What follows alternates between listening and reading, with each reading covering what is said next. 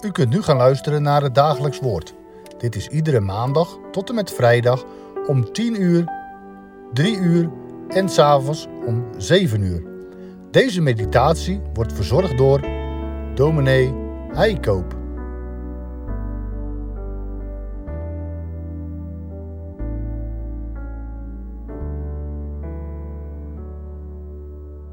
We lezen verder in het Marcus-evangelie, vandaag hoofdstuk 14, vers 53 tot en met 59.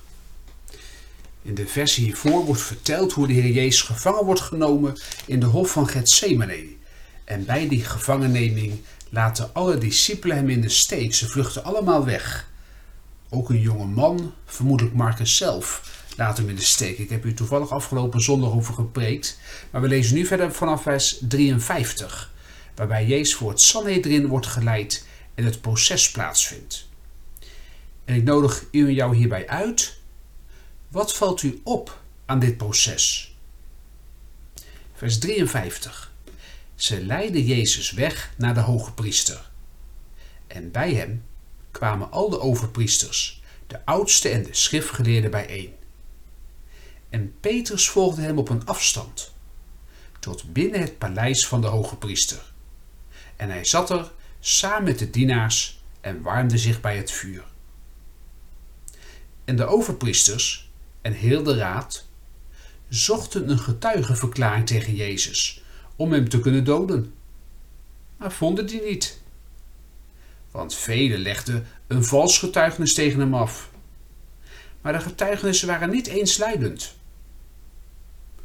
Toen stonden enigen op en legden een vals getuigenis tegen hem af en zeiden: Wij hebben hem horen zeggen: Ik zal deze tempel, die met handen gemaakt is, afbreken en in drie dagen een andere, niet met handen gemaakt, bouwen.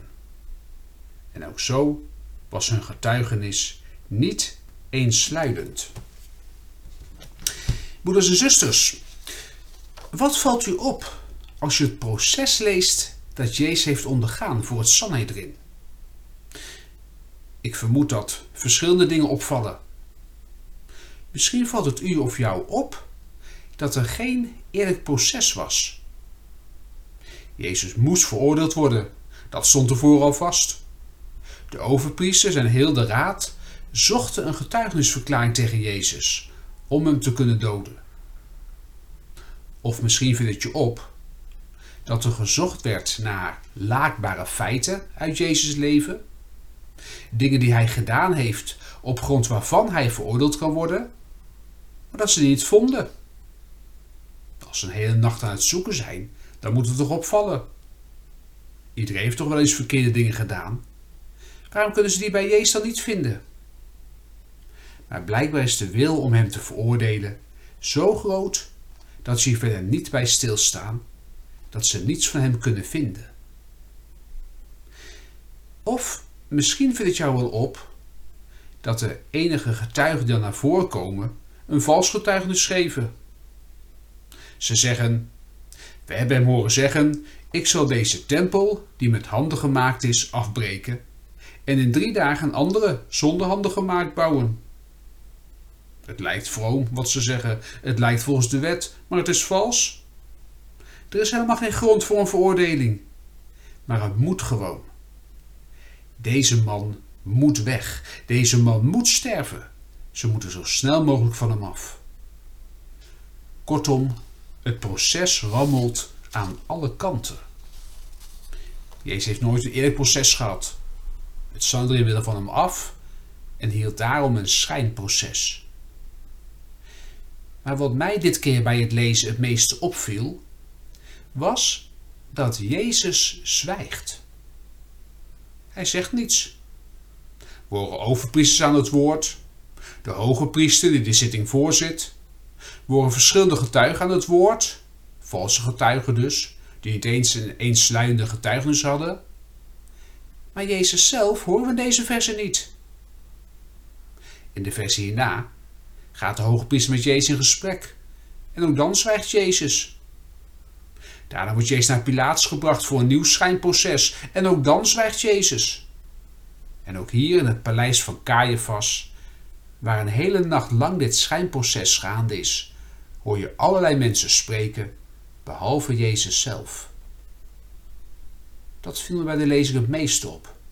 Een hele nacht wordt er gepraat over Jezus, maar Jezus zelf zegt niets.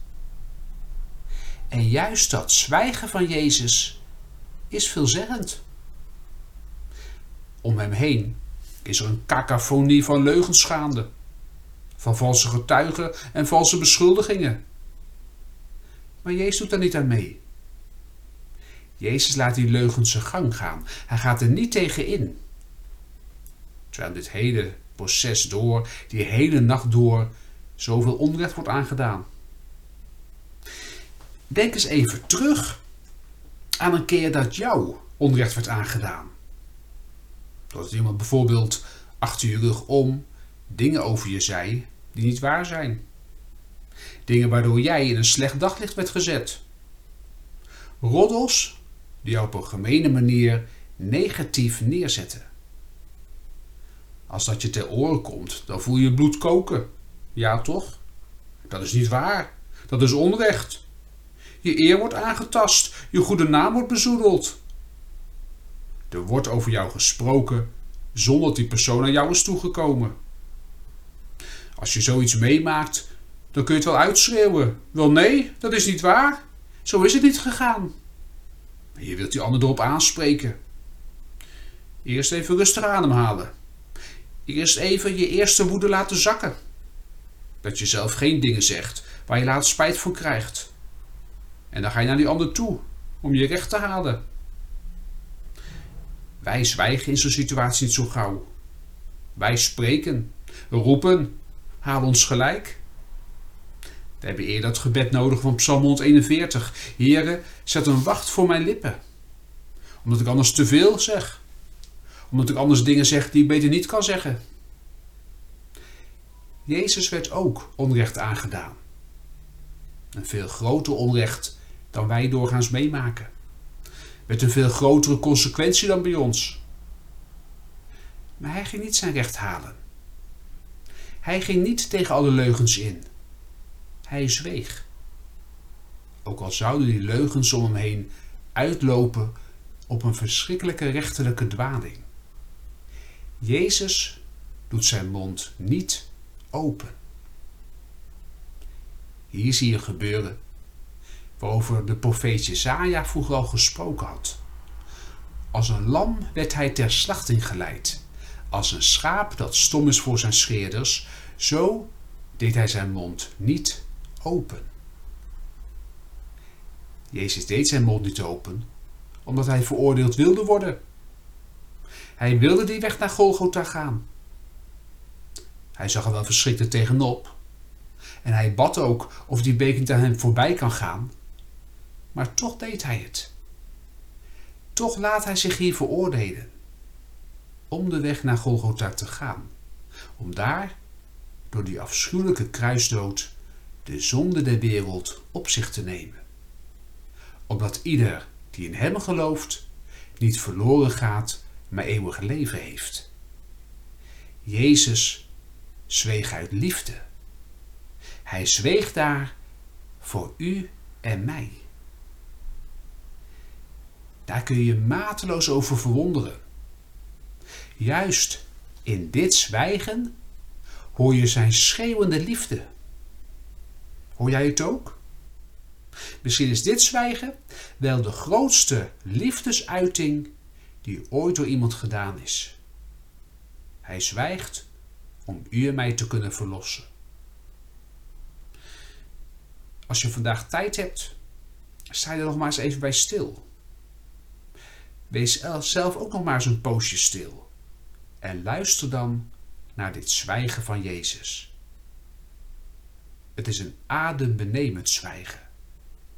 Het is een zwijgen waarin je zijn diepe liefde voor zondaren hoort. Dit zwijgen kan je misschien wel meer raken dan welke woorden ook.